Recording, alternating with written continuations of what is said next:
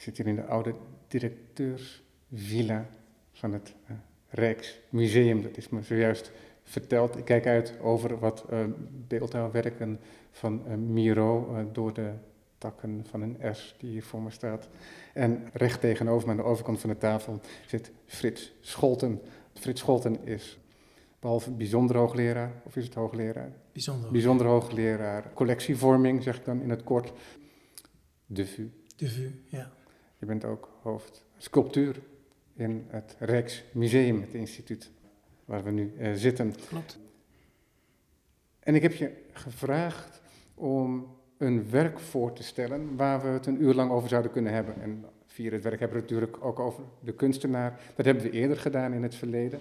De gebedsnood. Mm -hmm. uh, dat was een uh, prachtig verhaal. En dit keer stelde je voor om het te hebben over een relief dat jullie nog niet zo lang geleden hebben aangekocht van een Nederlandse beeldhouwer, waarvan, een Vlaamse beeldhouwer moet Ja. ik zeggen, Mm -hmm. um, waarvan de naam mij niet bekend was. Shame on me. François Duquesnoy. Ja. François Le Flamand, genoemd door de Mhm. Fransen. En hij heeft zo nog wat andere namen. Ik zal hem eventjes in het kort even wat data daarvan geven. Dus hij is in 1597 geboren in Brussel. Ja. Um, in 15, of 1618 reist hij al af naar Rome. En dat is dan eigenlijk de Rome-reizen om zich te scholen in, uh, het, uh, in het werk van, dat, van de ouden. Klopt. Dat gebeurde vaker, dat was niet Maar in zijn, ongebruikelijk. geval, in zijn geval kreeg hij ook een beurs mee van de aartshertogen. Dus hij moet al wel opgevallen zijn als een goed beeldhouwer. Precies. Zijn vader was ook een beeldhouwer. Precies, de zoon, zoon van een beeldhouwer. Ja. Ik denk dat er waar niet een hele doopcel nu gaan lichten. Ik denk dat het en passant wel uh, voorbij komt. Wat misschien wel aardig is op te merken en ook wel heel belangrijk is dat hij een jaar eerder geboren is dan, uh, dan Bernini. Mm -hmm. Jaar voor Bernini. En Bernini is al heel snel, hè, um, als, als tiener al volgens mij opgepakt door uh, een van de grote kardinalen en uiteindelijk vierde kardinalen bij de paus. Klopt. Um, Scipione Borghese, Borghese was dat volgens ja. mij, Scipione als Borghese. ik het goed heb. Helemaal goed, Ja. Die verzamelt ook werk van hem. Ja. Hè? Werk wat nog steeds te zien is in diezelfde In die verzameling. Villa die- Borghese. Ongelooflijk vind ik dat, die continuïteit. Ja. Ja. Maar goed, wij richten ons vandaag op uh. Maar ehm, ze komen elkaar ook tegen, ze draaien maar om elkaar heen. Ze nemen ook andere posities in. Misschien ook wel ten opzichte van elkaar, maar daar komen we dan de komende uur wel Ja. achter. Ja. Ik noemde een werk. Het ligt in fotocopie voor ons, het, uh, het relief. Het toont wat, uh, ja, normaal gesproken zou je zeggen poetie. Hè? Je ziet soort baby's, Knaapjes, ja. knaapjes met een, uh, met een mooie, voluptueus behaarde geit. Die min of meer aangevallen wordt door deze baby's. Ja. Deze baby's die worden dan ook wel baganten genoemd. Ja. Wat is dat voor voorstelling? Ik denk dat het uh, om te beginnen goed is om even een, een, beeld te schetsen voor de luisteraars. Het is ongeveer een, het is een marmeren relief, een wit marmeren relief. Zo groot als de deksel van een schoenendoos. Dan heb je meteen een aardig beeld erbij. En op dat relief zien we inderdaad een achttal, als ik het goed geteld heb, een achttal babytjes eigenlijk. Want ze zijn nog echt vet, ze hebben babyvet nog. Kleine knaapjes Um, druk bezig om een, uh, geen geit overigens, maar een bok ja. um, met een flinke sik. Exact. Um, om die uh, op allerlei manieren de weg te versperren. En dat doen ze onder andere door hem met een tak te slaan, door aan zijn lijf te hangen, uh, door hem bij de horens te vatten. Er is er zelfs één die zit met een masker voor, een soort faunsmasker, om hem af te schrikken. En een, een, laatste Puto klimt in een boom in de hoek om een tak van de boom te trekken, om daar alsnog uh, die bok mee te kunnen verjagen. Want het gaat om verjagen. Ja, en, en wat heel mooi is, is de een heeft een, een, masker voor en probeert hem te verschrikken, en de ander trekt het gezicht net daarachter uh, in de vorm van een afschrikwekkend masker. Precies, ja. hij trekt een, echt een gekke bekkentrek, zeg ja. maar. Ja, ja, klopt, inderdaad. En wat is nu hier aan de hand? Het is eigenlijk een hele oude voorstelling waar uh, Duquesnoy, de beeldhouwer, een soort spel mee speelt. Uh, de voorstelling is heel oud, namelijk kindertjes, knaapjes die bezig zijn een bok te verjagen. Uh, die knaapjes, dat zijn helpertjes van Bacchus, de wijngod. Um, en in de oudheid was al heel goed bekend, uh, Vergilius schrijft daar bijvoorbeeld over, dat bokken en geiten eh, de druivenoogst vernietigen. Die, die, deden zich te goed aan de jonge spruiten van de, van de wingerds, van de druivenranken. En uh, dat betekent natuurlijk dat de, de, wijnoogst misging. En dat was natuurlijk niet in het belang van de wijngod Bacchus. Dus zijn helpers, baganten, maar in dit geval dus kleine baganten, knaapjes, die moeten alles doen om die uh, bokken tegen te houden. En dat is eigenlijk wat we hier zien uitgebeeld. Heel letterlijk. En dat is een scène, en ik zei net al, het is een hele oude voorstelling. Het is een scène die al op oude Romeinse sarcofagen tegenkomt. Um, of in allerlei vormen uh, door de kunstgeschiedenis heen. En die als het ware nieuw leven ingeblazen wordt door um, deze beeldhouwer. Ja.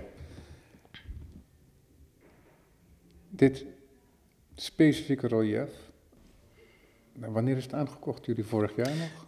We hebben het in 2014 aangekocht, ja. Ja. Ja. ja. ja. Wat is het belang van dit specifieke uh, relief? Nou, dat, dat, vertel ik heel graag, maar dan moet ik eerst misschien heel kort iets anders zeggen. Namelijk dat Duquesnoy al heel lang op ons verlanglijstje stond. Echt hoog op ons verlanglijstje. En dat zijn werk heel zeldzaam is.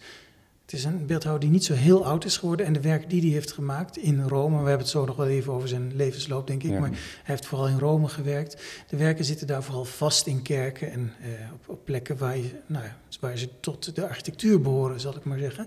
Dus losse werken van hem vind je op de kunstmarkt bijna niet.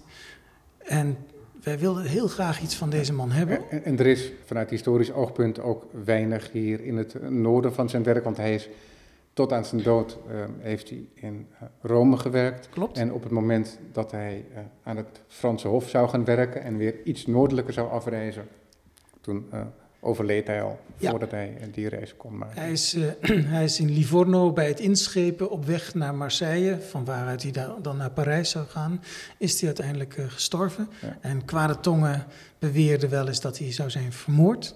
Ehm, maar daar is helemaal niets van bewezen. Eh, hoe dan ook, hij heeft dus een relatief kort leven geleid. En dat betekent dat zijn werk om die reden al vrij schaars is. Ja. Maar ook omdat hij ehm, niet zo'n enorme productie heeft gehad als veel tijdgenoten. En bijvoorbeeld ook niet eh, werken gemaakt heeft die heel makkelijk eh, verspreid raakt in, bij zijn leven. Toch had hij een hele grote naam al in die tijd. Niet voor niets werd hij naar Frankrijk geroepen door de koning. Dus Ja. het was wel een bekende beeldhouwer op dat moment al. Ja, ja, precies. Je wordt niet inderdaad voor, voor niks Nee. naar het, eh, naar het, Nee, grote naam. Koninklijk Hof eh, eh, geroepen. Hij ehm, komt, zei ik al eerder, in 1518 aan.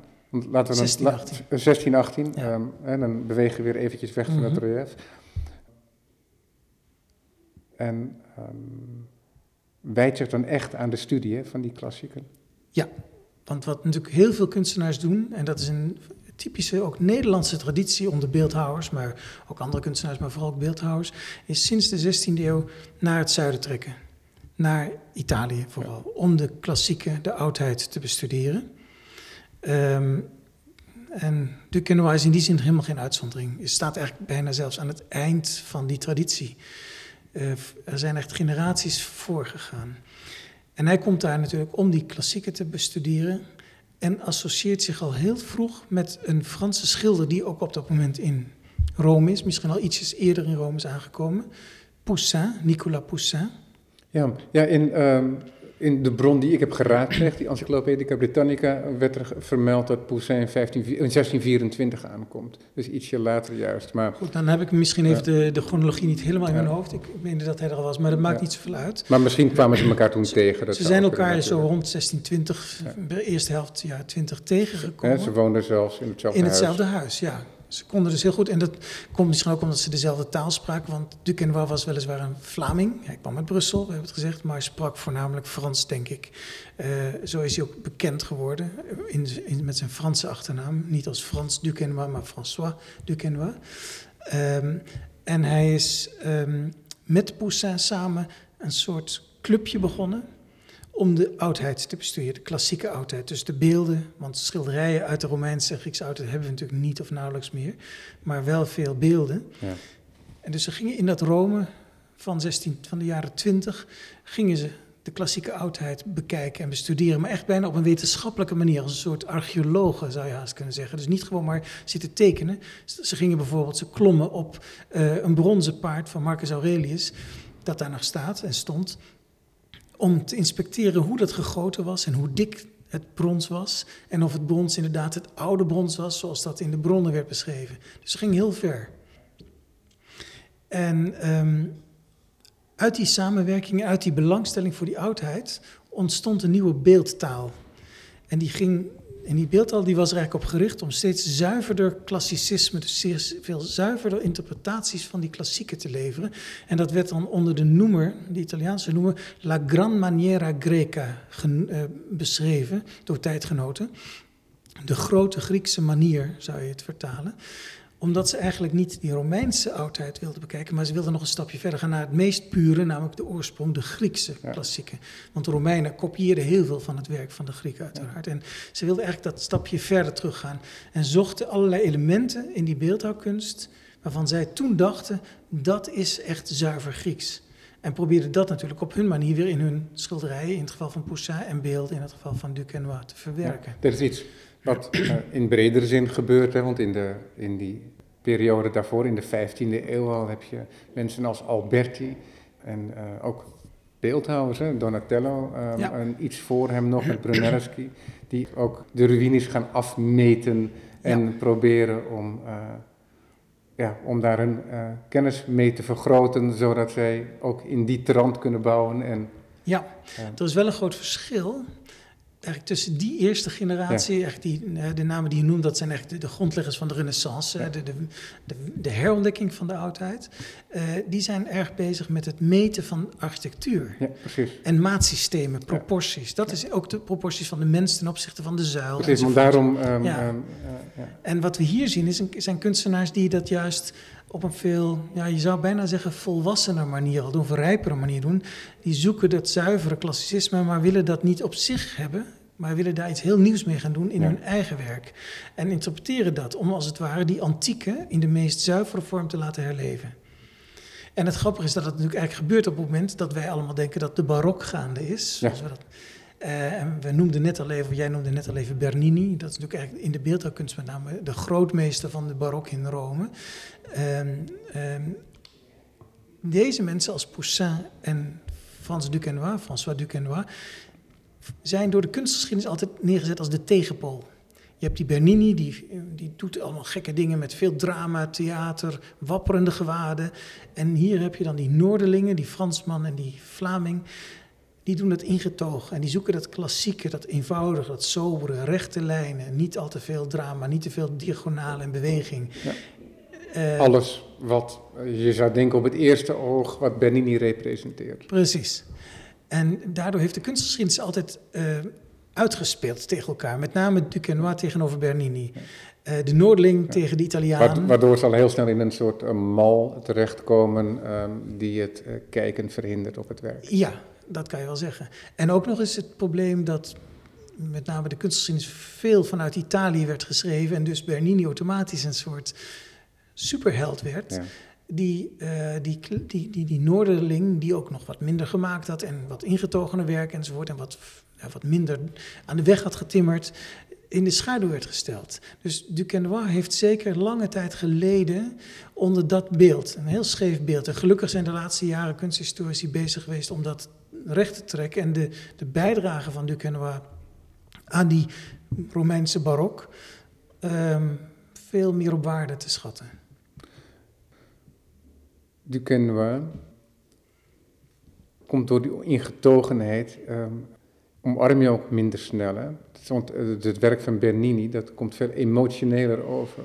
Dus um, het, het, idee van de proporties, die, uh, dat, die raken bijna uit de zicht. En je ziet uh, wervelingen en uh, je ziet ja, magnifieke uitdrukkingen van, uh, van vingers in dijen en zo. Mm -hmm. alsof, ja, ja. Het, alsof het vlees is, hè? Alsof, ja. alsof het marmer tot, letterlijk tot leven komt. Maar aan de andere kant zie je dat eigenlijk ook allemaal in zo'n relief van Ja. Duquesnoy terug. Dat is het mooie. En daar raken ze elkaar ook interessant, interessant genoeg. Je hebt gelijk als je hem meer neerzet als iemand die wat afstandelijker is. Hoewel, als je goed kijkt, zijn de nuances ook heel fascinerend. En is het ook welk perspectief je hebt. Ik denk dat vanuit een noordelijker perspectief Bernini ook vaak te theatraal, Ja. te overdreven, een beetje een opgewonden standje was. Terwijl, ja, laat ik zeggen, Duquesnoy meer van doe maar gewoon, dan ben je al genoeg eh, houding had. Ehm, maar tegelijkertijd eh, raken ze elkaar in die uitbeelding van dat vlees. Je noemde net die, die, zo'n dijbeen in Ja, marmer, de- waar dan, dat is een eh, beroemde... De, roof van Proserpina, Ja. door die volgens mij, eh, is Ja. dat door diezelfde Scipione Borghese Klopt, ook eh, dat staat- binnengehaald. Ja, staat, die nog villa. steeds in de Villa Borghese. Daar zie je inderdaad hoe vingers van eh, één persoon in de dijen van een ander drukken. En lijkt het marmer letterlijk vlees geworden te zijn, of huid die meebeweegt. Dat is een oude klassieke topos trouwens. Dit is waarbij niet heel slim mee speelt. Maar die zachte uitbeelding van huid is ook iets waar juist onze Frans Duquesnoy heel beroemd om is geworden. Het is niet zozeer om dat, alleen om dat klassieke ingetogen, maar juist bij die kinderfiguurtjes, die we ook op ons relief zien, zie je die zachtheid. En het aardige is dat hij letterlijk in de voorstelling daarmee speelt. Hij geeft als ware commentaar op die zachtheid. Want in het Latijn betekent zacht tener. Maar het kan ook als, eh, als zelfstandig naamwoord baby of spruit zijn. Dus het speelt met de spruiten van de wijndrank. Het speelt met de zachtheid van de uitbeelding van die baby's en die huid.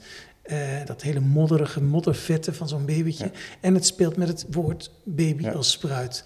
Dus daar zit een heel subtiel intellectueel Ja. spel Ja, in. precies. En dat is niet gezocht, hè? want dat idee, die combinatie van taal en ook poëzie ehm, en beeldende kunst, die was, die was heel sterk. Hè? Ja, in, de, in, de, in het milieu, zeker in Rome in die tijd, met natuurlijk een enorme, eh, ook grote intellectuele bovenlaag. Natuurlijk een heel katholieke en heel klerikale bovenlaag, maar niettemin zeer intellectueel. Daar werd, werden dit soort spelletjes, Ja. dit soort woord-beeldspelletjes en, en grapjes werden zeer gewaardeerd. En David was het- heeft daar een, eh, mooi boek over geschreven, Raphael's Poetics. Ja, dat heb ik nooit gelezen, moet Ja. ik bekennen. Maar ik ken het Ja. natuurlijk wel als titel, ja.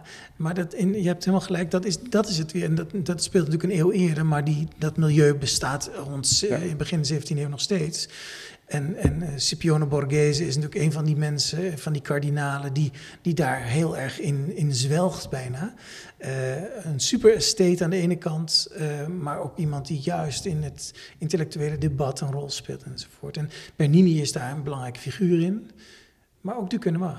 En dat maakt het zo spannend. Hij is een hele, hij is een wat, wat, wat meer een achterhoedespeler, als je het, eh, als je het zou kunnen zeggen. Hij, loopt niet voorop in de parade, maar wordt door deze mensen, deze toch heel veel eisende opdrachtgevers, absoluut gewaardeerd. En een van de mensen die hem eh, meteen ook eh, ehm, opmerkt is. ehm, eh, nou, om, nou ontgaat me eventjes de naam, Ja. maar een, eh, een, een, ehm, een rijke patroon daar in, in dienst van eh, wie die komt en die ook een grote collectie antieke beelden heeft, waarin die, waar die aan kan werken. Dus hij, en, en die wordt op dat moment ook uitgegeven. Giustiniani, daar is hij weer, die een groot, ook een, zijn grote collectie laat uitgeven in prenten. En in dat hele project, het, het- die beelden, nou, daar speelt ook Duquesnoy een rol in. Dus hij wordt meteen al in dat milieu van deze Ja. Giustiniani opgenomen. En daarmee zit hij al op de goede plek. Wat een mooi detail is, wat je dan even toevoegt nog, is dat hij die collectie ook uit laat geven in prenten. Ja? Dus dat, het is niet alleen voor hem. nee, nee, nee. Maar het is natuurlijk wel to show off. Hè. Het, is, Tuurlijk. het laat natuurlijk wel wat zien. wat hij- Natuurlijk. maar dat, op zichzelf ook heel interessant. Want het kunstboek, zoals wij dat nu kennen, is daar zo'n beetje ontstaan. Dit is de plek waar kunstboek ontstaan. Dit is een van de vroegste voorbeelden van een kunstboek. Een geïllustreerd kunstboek. Een collectie die met, eh, met prenten en luxe uitgegeven, maar ook vaak nog uit meerdere aanzichten, Ja. zodat je hem heel goed kunt waarderen. Dat zie je daar gebeuren. Daar komen we zo meteen over te spreken, want dat hangt ook heel sterk samen met dit relief wat we nu bespreken. Mhm, Ja. Hij ehm, werkte ook aan re- restauraties hè, en van eh, klassieke beelden. Want het onafgebeeld werd niet geaccepteerd nog. Nou, niet heel, Minder. Minder, wel een deel, maar niet maar er werd niet geschuwd om, ehm, Om het aan te vullen. Om, om beelden, klassieke beelden weer aan te vullen. Klopt, ja. Nee, dat is zo. En inderdaad, als hij in dienst komt van die eh, Vincenzo Giustiniani, dan is een van de opdrachten die ook krijgt eh, het restaureren van fragmenten uit eh, klassieke oudheid, oude beelden, en die aan te vullen. En daar was hij ook heel goed in. Was een oude traditie hoor. Eh, dat gebeurde al veel langer, in de 16e eeuw ook. Uh, daar werden ook vaak hele goede beeldhouwers voor gevraagd. Maar het was tegelijkertijd ook een hele goede leerschool. Dus heel veel jongens die als knapen naar Italië trokken om daar het vak te leren. Kijk, in, in Nederland kon je niet met marmer leren werken zo makkelijk. Dat was veel meer albast, dat is veel zachter. In die tijd althans. En als je echt in marmer wilde leren hakken, dan moest je naar Italië toe. Nou, dan begin je niet met een groot beeld, maar dan begin je met dit soort werk. Een arm te hakken van een, voor, een, voor een beeld dat opgegraven was, waarvan de armen weg waren. Ja. En daarmee kon je laten zien aan de ene kant hoe goed je techniek was. En aan de andere kant kon je ook je fantasie natuurlijk laten zien. Je kon een onaffe voorstelling voltooien. Dus in feite maakte jij af wat de antieken ons hadden in onvoltooide staat, of soms wel voltooid, maar door de tijd vernield, uh, hadden nagelaten. Ja, de Laocoon-groep is daar een bekend voorbeeld van. Hè? Klassiek voorbeeld, dat, uh, ja. Dat daar uh, weer ledematen ja aan toegevoegd zijn. Die ook uh, weer, uh, en die dan toch heel duidelijk een interpretatie bleken. Ja. En een interpretatie die nu weer uh, Herste, er, hernomen is ja. eigenlijk. Ja. Maar dan bestaat zo'n kopie nog wel met uitstekende armen. Ja, en, klopt. Ja. Ja, Nou ja, dat, en dat gebeurde, het waren echt legers beeldhouwers, vaak van mindere kwaliteit. Maar het was de leerschool. Hier, hier werd geleerd, onder andere, om het, gewoon het vak van het marmerhakken te leren. Dus uh, ik neem aan, hoewel we nu wel het vermoeden hebben dat Duquesnoy aanvankelijk ook als houtsnijder uh, in dienst in, in, in Rome in dienst was van een, een Franse beeldhouwer die daar al een tijd werkte, dat hij ook dit werk heeft moeten doen om het, gewoon het vak goed te leren. Ja, en om überhaupt boven te komen drijven in het Rome van die 17e eeuw. De contra-reformatie, de pausen geven klappen met geld uit ja. om hun machtsbeeld uh, uh, kracht bij te zetten Zeker. via de beeldende kunst. Ja. Om dan in die magneet van kunstenaars ook nog boven te komen. Dat is heel dan knap. Moet je, uh, wel wat in, dan ja. moet je wel wat in huis hebben. Ja. En dat geldt dan ook voor deze. François. Klopt. Hij had natuurlijk een, een, goede leerschool bij zijn vader gehad, die al hofbeeldhouwer was in, uh, in Brussel. Ja. Uh, voor het Hof van de Aartshertogen. Uh, dus dat, dat scheelde. Zijn broer was ook een beeldhouwer, die kwam hem later ook bijstaan in, in Rome. Jérôme Duquesnoy, of Hieronymus. daar zullen we later misschien nog iets over zeggen. De vader overigens kennen we het beste als de beeldhouwer van Manneke Pies. Dat weten weinig mensen, maar dat is, dat is ook door natuurlijk een beeld dat door een beeldhouwer is gemaakt. En uh, Manneke Ja, niet door een reclamebureau. Nee, exact. ja. Um, dus hij was natuurlijk al redelijk goed opgeleid voordat hij naar Rome trok. Maar dit was wel de finishing touch. En dat, dat hij daar kon maken, heeft natuurlijk deels met geluk te maken. Dat kan niet anders. Je moet net de goede, de goede uh, mecenas vinden die je verder helpt. Of, het zijn samenlopen van omstandigheden, maar zijn talent heeft daar wel degelijk heel erg toe bijgedragen. Je zei aan het begin van dit gesprek, een werk van Duquesnoy stond al heel lang eigenlijk op het verlanglijstje, om dat ook in de collectie van het uh, Rijksmuseum te hebben. Het Rijksmuseum verzamelt niet alleen werk dat in Nederland tot stand is gekomen, verzamelt ook niet alleen werk van Nederlandse kunstenaars, in dit geval dan uh, groot Nederland, om met Pieter, mm -hmm. met, om met Pieter Geil te spreken. um, maar het, het, het, ligt echt wat ruimer. Ja. Um, dus het is heel vanzelfsprekend ook om dan werk te van willen hebben in de collectie ja. van een groot beeldhouwer als Duquesnoy. Ja. En dat is niet zo gemakkelijk, want er is niet zoveel. Er is sowieso hier niet zoveel. En er komt gewoon niet zoveel op de markt. Op de markt. En heel veel is verbonden aan, uh, aan plekken, aan kerken Ja, en andere klopt. gebouwen. Ja, klopt. Tot dusver, en en misschien moet ik even nog teruggaan op wat je net al zei ter inleiding van dit. eh, wij verzamelen inderdaad in de breedte beeldhouwkunst. Eh, niet uitsluitend Nederland. Eh, maar je kunt niet alles verzamelen, dus je maakt wel keuzes en je legt zwaartepunten in het verzamelen. Bij ons is zo'n zwaartepunt eh, om te kijken naar juist die Nederlandse beeldhouwers. En inderdaad die groot-Nederlandse beeldhouwers, de noordelijke en zuidelijke Nederlanden. En ook een beetje het grensgebied. Om die te verzamelen, met name als ze naar buiten zijn getrokken, naar het buitenland zijn gegaan. Uh, nou, we hebben het, Adrien de Vries is een mooi voorbeeld daarvan. En we hebben rond die groep beeldhouwers van die 16e eeuwers... die in het buitenland echt furore hebben gemaakt... Ja. hebben we een aantal hele belangrijke werken kunnen verwerven in de loop van de jaren. En is dat echt een, een zwaartepunt in de collectie. Nou, Duquesnoy past daar heel goed in. Een beeldhouwer die buiten de landsgrenzen tot wereldfaam kwam... Um, En dus eigenlijk in, in eigen collecties of in eigen land, ook in België, slecht vertegenwoordigd is. Dus dat is sowieso al een, een, een, een belangrijke figuur in de kunstgeschiedenis bovendien. Die staat hoog op je verlanglijstje. Ja. Michelangelo zullen we niet zomaar kopen. Bernini is eigenlijk al buiten ons bereik. Uh, ook al omdat het weinig of niet op de markt komt. Ja, en met de huidige markt is, ligt eigenlijk alles buiten het bereik van bijna iedereen, behalve dan... Uh, een Rembrandt de, wil nog de, eens groot, lukken, de grootmachten in de financiële wereld. Ja, ja. Nee, kijk, en, en, en dat blijkt toch iedere keer weer dat het makkelijker is om een, een Nederlander te kopen. Zeker als het om hele grote bedragen gaat.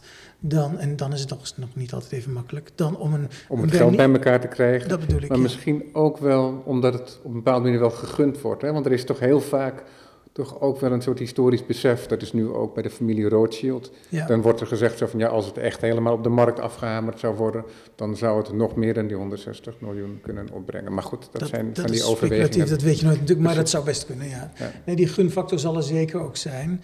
Bij grote kunst maakt het natuurlijk eigenlijk helemaal niet meer uit. Dan is het gewoon altijd goed Ja. waar het zich ook bevindt. Precies. En doet het altijd wat met een andere collectie.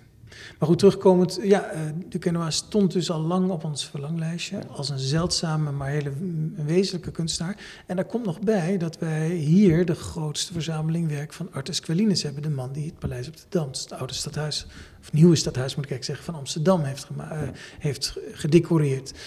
En juist deze Quellinus was de belangrijkste leerling van Duquesnoy in Rome. Die is in de midden jaren 30 naar Rome getrokken vanuit Antwerpen. Is bij Duquesnoy in de leer gegaan.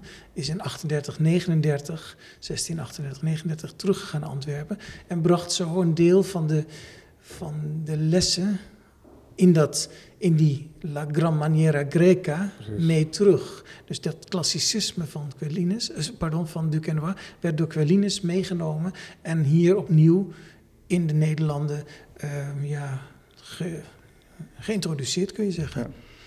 Ja. Dus voor ons is, is dan zijn leermeester, die zo invloedrijk was, eigenlijk heel we- wezenlijk om te laten zien, om te, om, om te kunnen begrijpen waar dat werk van Quellinus vandaan komt. Ja, precies. Dit specifieke relief, Ja, dat was jou bekend, maar niet het werk zelf. klopt. En dat komt, kijk, het is een marmeren relief. Duquesnoy heeft in marmer gewerkt en we kennen deze compositie uit één grotere versie, die is eh, vier keer zo groot. Die is in Rome, eh, is ontdekt daar in een eh, palazzo, in een muur, en de buitenmuur zelfs. Daar heeft hij een tijd lang in een tuin gezeten. Is dus erg verweerd geraakt in de loop van de tijd en uiteindelijk binnengehaald. Marmer is vrij poreus. Marmer is natuurlijk, ja, is kwetsbaar in die zin. Ehm, en daarvan wordt in het algemeen aangenomen dat dat een eigenhandig werk van Duquesnoy is. En daar twijfel ik ook niet aan hoor. Ehm, maar we kennen dezezelfde compositie in kleiner formaat. En ik zei in het begin al, dit is een, eh, een, relief zo groot als een schoenendoosdeksel.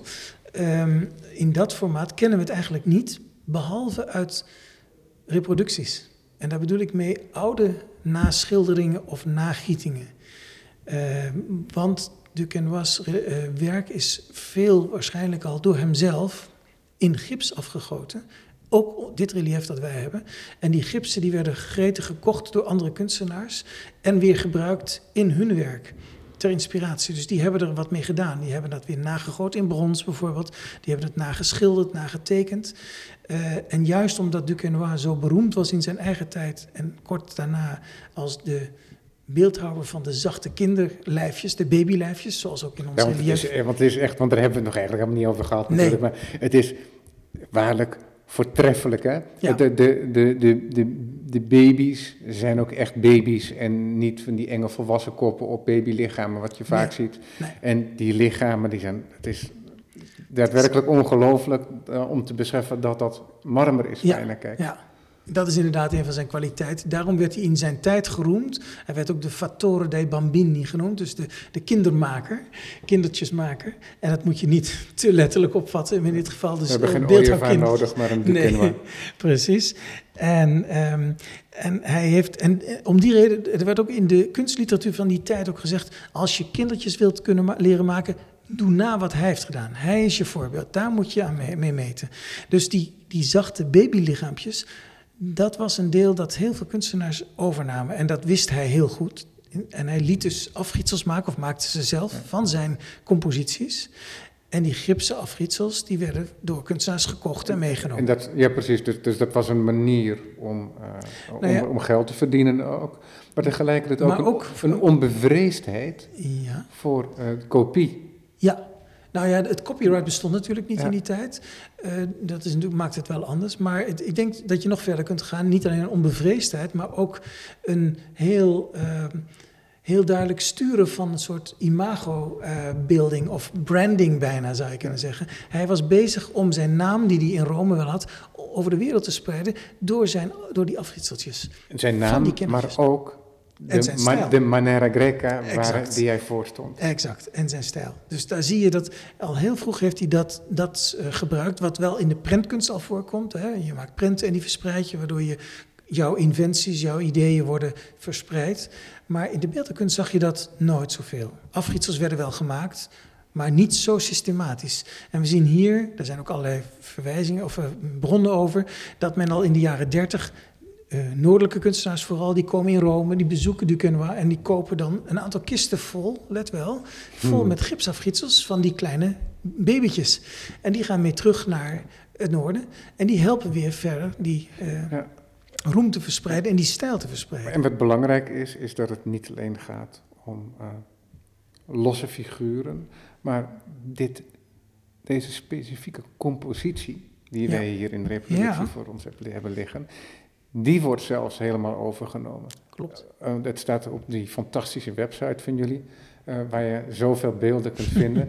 Kun je ook, als je naar dit relief zoekt, Ja. ehm, het relief terugvinden, opgenomen in het schilderijen. En, ook, eh, en dan hè, met, met behoud van de compositie.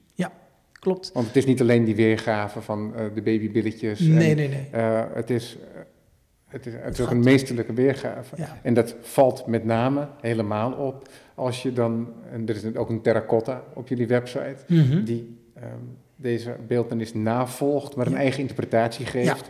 En dat is eigenlijk een beetje een doodgeslagen vries van mensen op een rijtje, of van figuren op een Mhm. rijtje. Ja. En dan zie je ook hoe Grieks hij ook is. Hè. Je zou het kunnen zeggen als een soort zuiverheid is in, Mhm. zijn, eh, in zijn beeldtaal. Hoe barok hij eigenlijk ook is, Ja. Hè, daadwerkelijk. Ja, dus dat die tweedeling waar we het al eerder over hadden, Die is hier eh, niet zo duidelijk. die bestaat niet op die manier. Nee, klopt. Dat heb je heel goed opgemerkt, ja. Nee, dat klopt. Eh, je ziet inderdaad, met name in Frankrijk en in de Nederlanden, wordt hij heel beroemd door juist al die afritsels. Daar voor een deel ehm, door kunstenaars die dat meenemen. Ehm, belangrijk was ook, moet ik zeggen, dat als hij zelf overlijdt op weg naar Parijs, eh, we hebben het er al even over gehad. 1643 hebben we Ja, het dan over. klopt, ja. Dan reist hij samen met zijn broer, die dus ook beeldhouwer is. En die zorgt ervoor dat al die afritsels die hij dan in zijn bagage heeft, die ingescheept waren, Ja. allemaal naar het noorden komen. En dat is een enorme verhuizing. Hè? Dat is een enorme verhuizing een Dat zijn kisten vol met Ja. al, die, al die modelletjes enzovoort. En, en die neemt hij mee, die broer, Jérôme, naar Brussel. En die worden dan in België weer eh, veel gebruikt en verspreid. En zo ontstaat er dus een hele cultus, kun je bijna zeggen, rond die Frans Duquesnoy, François Duquesnoy. Ehm, die vooral in de 18e eeuw in Frankrijk bij schilders heel erg oploopt. Je ziet het heel veel terugkeren, allerlei motieven in schilderijen. Ja, dus het, het overstappen van, van, van een medium. Ja, hè? Want dat is, klopt. dat is toch heel boeiend, Ja. omdat ehm, vanuit de renaissance althans, Ja. er een hele sterke eh, scheiding was tussen de verschillende ehm, Ja, eh, de media. Ze werden ja. wel bij elkaar, maar er Maar werd heel erg... zusters, Er maar... werd heel erg geprobeerd om vanuit het eigen medium, de Ja. kwaliteiten van het eigen medium, hè, dat is dat idee van die zuiverheid, denk ik ook, eh, om van daaruit te werken.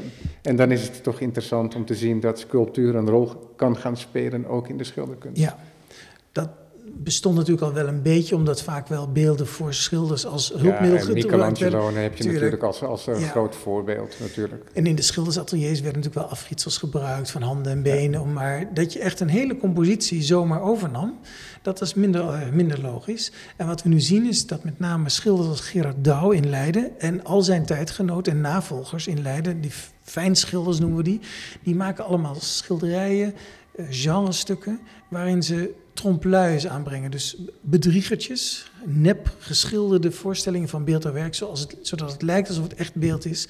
En daar gebruiken ze deze compositie van Duquesnoy, van deze kindertjes met die bok, heel veel voor. Dat is echt de meest populaire voorstelling. Dus in de Nederlandse schilderkunst van de 17e eeuw zie je al heel snel, rond 1650, deze voorstelling exact weergegeven worden. Ja. Soms wordt er wel gevarieerd, maar heel vaak wordt die exact overgenomen. Ja. En deze voorstelling bestaat in het groot, in, In Italië. Ja. Ehm, was het bekend dat dit kleine relief er was? Nee, Dat was ook echt onbekend. Ja, het kwam op de markt ehm, als marmerlaat, moet ik dan zeggen. Ja. Er waren wel bronzen, latere bronzen afgietsels van bekend, die waarschijnlijk weer van zo'n gipsen afgietsel In datzelfde formaat. in datzelfde In, formaat. dus in ja. dat schoenendeksel. Ja, eh, in dat formaat. Dus bronzen, maar dan 18e of 19e eeuwse versies, die ook grover zijn, want die zijn sleets geworden natuurlijk. Ja. De gipsen uit die tijd zijn er überhaupt ook niet meer, maar dat begrijp je wel, want die zijn natuurlijk super kwetsbaar en veel gebruikt in het atelier. Ehm, en het originele marmer en mijn scholing, er zal ook waarschijnlijk een terracotta ooit geweest zijn, die waren niet meer bekend. Terracotta nog steeds niet. Maar het marmer is nu opgedoken en dat hebben wij nu kunnen kopen. Dus dat maakt het zo bijzonder. Het is een, echt een heel cruciaal werk in het oeuvre van hemzelf. Ja. Duikt eigenlijk een beetje Een uit het niets cadeautje, op. een cadeautje uit de geschiedenis die Ja. zo, zomaar boven komt drijven. Ja, ja. Toen ik begon hier als... Was het meteen duidelijk dat het van hem was? Behalve dan dat het de voorstelling is die, eh, die van hem bekend was. Ja, nee, dat niet. Ik, eh, ik- het kwam in Parijs op de markt. En ik ben toen eh, getipt door een Nederlandse kunsthandelaar die het had gezien. Die wist dat ik hier wel naar keek, naar dit soort werk. Ik ben toen naar, naar het relief gaan kijken. En ehm, pas toen ik het zag, en ook nog eens onder de juiste belichting, want je moet het echt onder heel goed strijklicht zien, dan gaan al die figuren pas leven en dan wordt dat, wordt dat babyvlees echt mals en zacht. Eh, pas als je dat doet, dan begrijp je ineens de kwaliteit. En ik heb daar een uur met dat relief, met die schoenendoosdeksel gespeeld. Ja, want wat En- belangrijk is, dan onderbreek ik heel even je verhaal. want je hebt natuurlijk die figuren en je hebt die bok, maar je hebt toch ook de grond waar ze op staan, Ja. wordt aangegeven. En dat is een hele levendige weergave met bijna niets van, eh, van gras en grond. Klopt. En ook een boom links in de achtergrond. Ja. Maar dat noem, ik noem het nu een boom, maar het is zo filigrijn, Ja. ragfijn aangegeven. Hè, het is echt eh, een heel erg barrelief. Ja, En toch heb je die illusie van een, van een forse boom waar dan zo'n Mits- bagant aan hangt. Mits goed belicht. Dat is natuurlijk heel essentieel. Ik heb toen een, een uur ongeveer in die kunsthandel, eh, waar het zich bevond in Parijs, met het relief zitten spelen, kun je zeggen. Veel foto's gemaakt, details opgenomen. Ehm, en raakte gaandeweg steeds meer overtuigd. Dit ik kan niet anders dan hemzelf zijn. Het moet hem zijn. Die, die kwaliteit heb ik nooit eerder gezien. Eh, en komt alleen nog maar overeen met eigenhandig werk.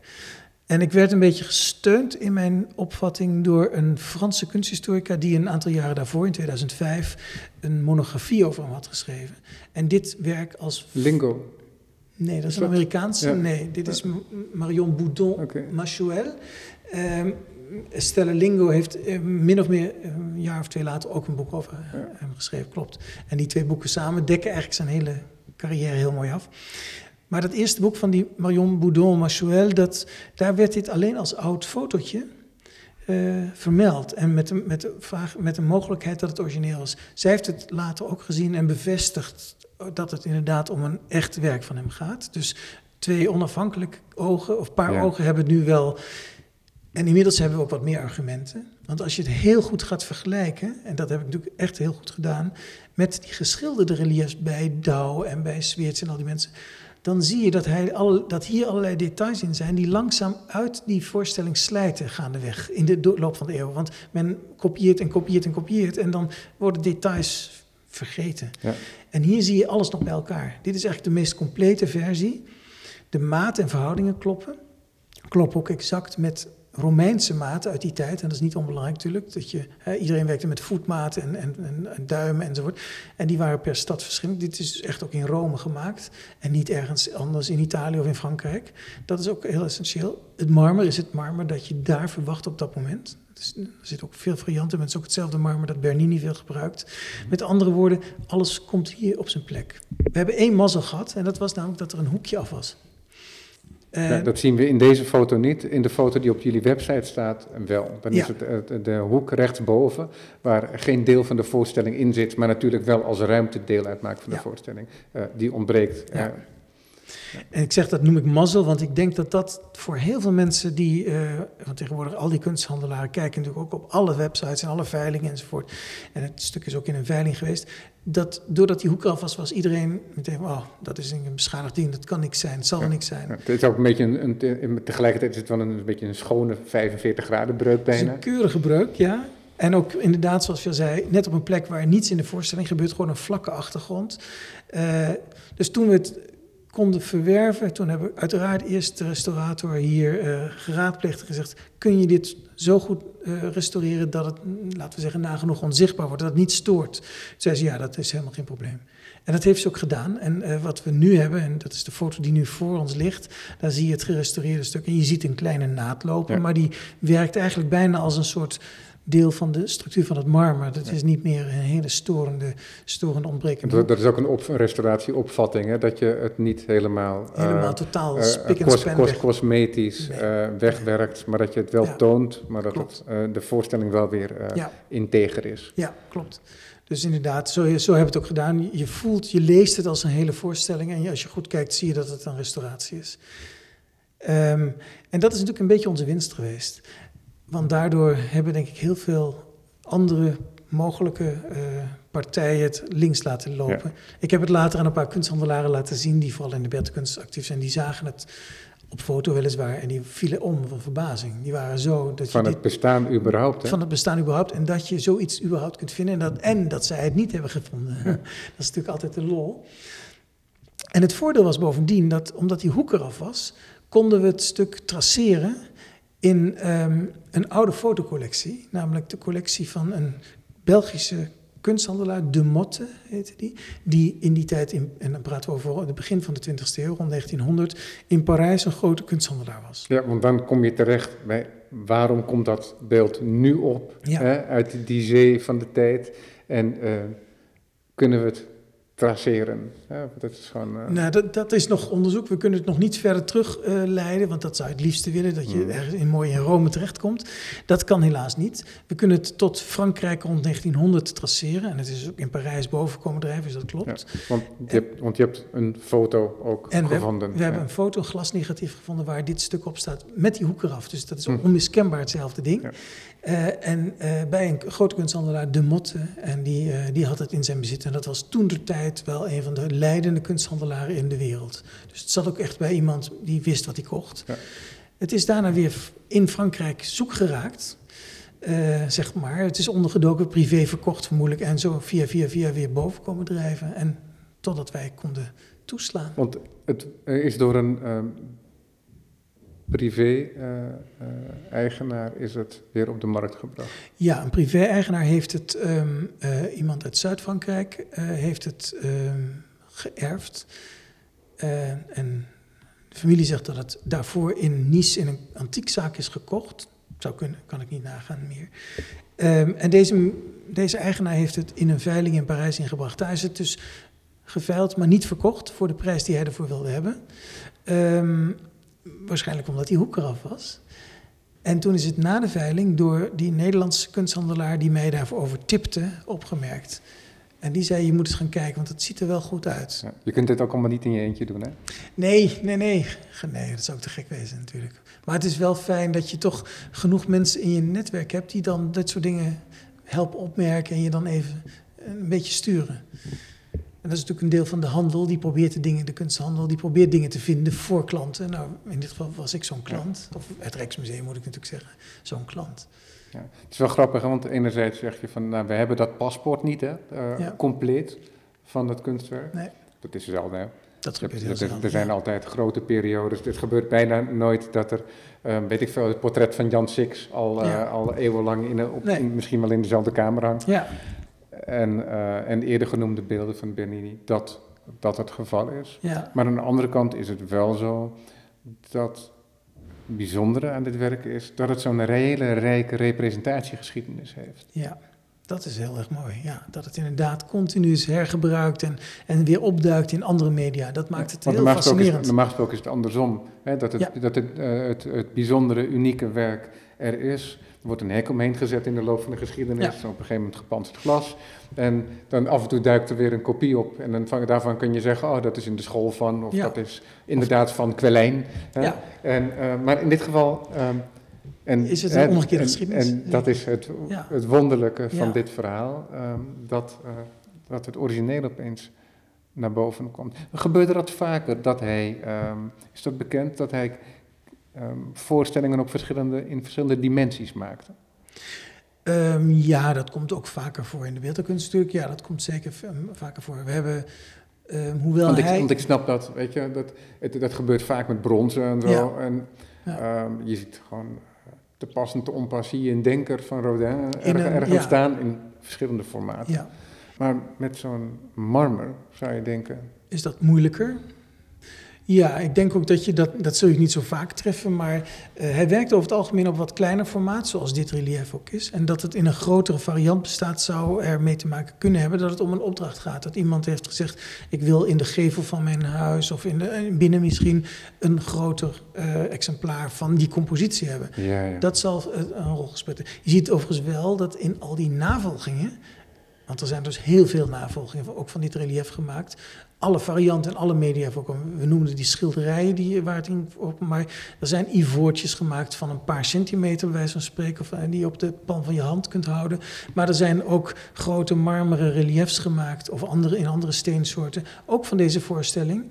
En die zijn dan weer een meter bij een halve meter eh, in, in maat bijvoorbeeld. Dus eh du moment dat anderen daarmee aan de haal gaan, zie je dat alle variatie optreedt. Maar in zijn eigen oeuvre is het vrij beperkt. Hè? Hij werkt op kleine schaal doorgaans. Ja. Dat idee van ehm, die ontwikkeling ehm, richting de barok. Hè? Ja. Dat, de barok is eigenlijk ook een beetje de doorbreking van de ruimte, toch?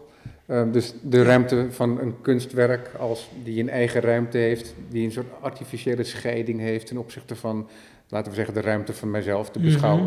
Mhm. Ja, dat, dat, dat zie je ook terug in, eh, in de architectuur eigenlijk, dat de gevels beginnen te onduleren. Dus ze komen als het ware los van de tekentafel. Ja. En naar ons toe. Ja. Dat geldt ook voor de beelden zo. Ook voor iemand als Duquesnoy, die dan toch meer als klassicist bekend staat. Dat zijn termen, Ja. en daar wil ik dan opkomen, die wij er later opgeplakt hebben, denk ik toch? Ja. Oh, je hebt wel dat de Manera Greca, Ja. maar Dat is al een uitzondering. Dat, dat er zo'n term bestaat uit ja. die tijd, inderdaad. En dat gaat dan om één of twee kunstenaars die zichzelf onder die, onder die naam eh, scharen. Ik denk, je hebt natuurlijk gelijk, die- zo'n term als barok, dat is natuurlijk een hele moeilijke term. Eh, en ik ga hem ook niet aan een, aan een hele nauwkeurige omschrijving wagen. ja, Maar veel van wat wij nu met barok associëren, heeft natuurlijk wel te maken met, met dingen als pathos. Heeft te maken met, met, eh, met heel theatrale benadering van, van voorstellingen en ook van architectuur, zodat het zich opent, zodat je meegenomen wordt, dat het jouw ruimte in, in dat het een soort bezit neemt van jouw ruimte. Dat zie je natuurlijk ook prachtig als je de Villa Borghese binnengaat, waar die beelden van Bernini eh, al vanaf het begin bijna staan en zo'n hele ruimte domineren. Je komt binnen en je wordt bijna, je krijgt bijna een steen naar je hoofd geslingerd door de David van eh, Bernini. ja. Eh, dat soort totaalbeleving, want daar gaat het om, dat was natuurlijk vrij nieuw. Dat zie je pas zo in de jaren twintig in Rome, aan het begin van de 17e eeuw, echt tot wasdom komen. En Bernini is daar de grootmeester in. Dat is niet iets wat, wat ehm Duquesnoy echt heeft Nee, want dat is echt een groot verschil. Want Ja. Bernini die geeft ook de eh, presentatievorm. Dus de architectuur waar het licht doorvalt Ja, op eh, die, de heilige. Ja, Ehm, er zitten eh, elementen, het is een installatie hè, waar Ja. de zonnestralen worden weergegeven. Ook nog een keer dubbel, hè? het is bijna rode roze, roodkleuren. ja, ja, ja. En een mix van materialen natuurlijk. Kijk, een klassicist houdt zich bij het marmer. Precies. Bernini niet. Die gebruikt allerlei soorten kleuren, marmer, door elkaar, brons, verguld brons. Allemaal om dat theatrale, eh, visionaire, want dat is het ook vaak, eh, tot stand te brengen. En, en dat is natuurlijk een totaal andere benadering. Ehm, eh, en dat totaaltheater, dat is denk ik iets wat bij Duquesnoy veel minder speelt. Ja, Frits, je noemde Quellijn al als Ja. ehm, een van de grote leerlingen ehm, Mhm. van, van Duquesnoy. heeft hij, zou je kunnen zeggen, school gemaakt. Want hij lijkt ook een kunstenaar voor fijnproevers in die zin, hè, omdat het meer, iets meer ingetogen is. Ja. Je herkent het, je omarmt hem toch eh, Ja. minder snel daarin. Hij komt minder op je af. Hij heeft gek genoeg eigenlijk heel veel school gemaakt, maar juist door die reproducties. En daarom denk ik dat het ook een hele bewuste strategie van was. Maar je kunt niet zeggen, je hebt de school van Duquesnoy, maar je hebt in, door de eeuwen heen, tot in met de 19e eeuw toe, kom je zijn composities, maar ook vooral die mollige kindertjes tegen in allerlei vormen. In edelsmeedkunst, in eh stukwerk op plafonds, overal. Een heel mooi voorbeeld, eh, museum Jan Kuhne in Os, in de hal. Een 19e-eeuwse villa. In de hal zitten allemaal reliefs. Nou, dat zijn allemaal varianten op dit relief dat wij nu hebben gekocht. En dus dat, daarmee, het houdt niet op. Zij maakt school, maar via individuele composities minder dan via een hele stijl. Zoals je dat bij Ja, Bernini ja, zou bijvoorbeeld of, of een atelier Of- ja. waar tientallen leerlingen langskomen en dat hij zijn eigen fabrica bijna Ja, heeft. Nee, helemaal niet. Nee. Hij had heel weinig leerlingen. Kijk, zijn, zijn broer heeft met hem gewerkt. Ja. Heeft met hem gewerkt. Er zijn nog één of twee andere beeldhouwers waarvan we dat weten. En that's it. Ehm, en eh, je kunt dus eigenlijk zeggen dat na zijn dood dat over is. Die school, die bestond niet. Maar die werken, die werden maar on en on en on gereproduceerd. Frits, we zijn aan het einde van het uur alweer. Ja. Wanneer is dit relief op zaal te zien? Dat durf ik niet te zeggen, dat is heel moeilijk. Maar we doen er alles aan om dat Het- heel het is- snel te het doen. Is, het is gerestaureerd, dus het is gerestaureerd. mogelijk, Ja. maar dat, dan moet er weer iets anders Nou, uit de zaal we spelen, ook dat, de plek is altijd belangrijk, maar we spelen eigenlijk, we zoeken eigenlijk naar een, een, een lijst. En we willen het graag ingelijst laten zien. En dat neemt nog wat tijd. En daar en waarom eh, die wens? Omdat het in die tijd ook ingelijst was. Dat mag je aannemen bij dit soort dingen. Vermoedelijk een, een ebbenlijst of misschien een bronzen lijst. En het maakt het voor ons iets makkelijker om het ook vrij te presenteren. Anders moet je het in een vitrine doen. Ja. Ehm, maar het, het, het verhoogt ook, denk ik, het, eh, het effect van het werk vanuit een historisch perspectief. Ja, nou, daar zien we dan naar uit, want ik heb het ook nog niet in het echt gezien. Ik dank je wel voor dit mooie gesprek weer. Graag gedaan.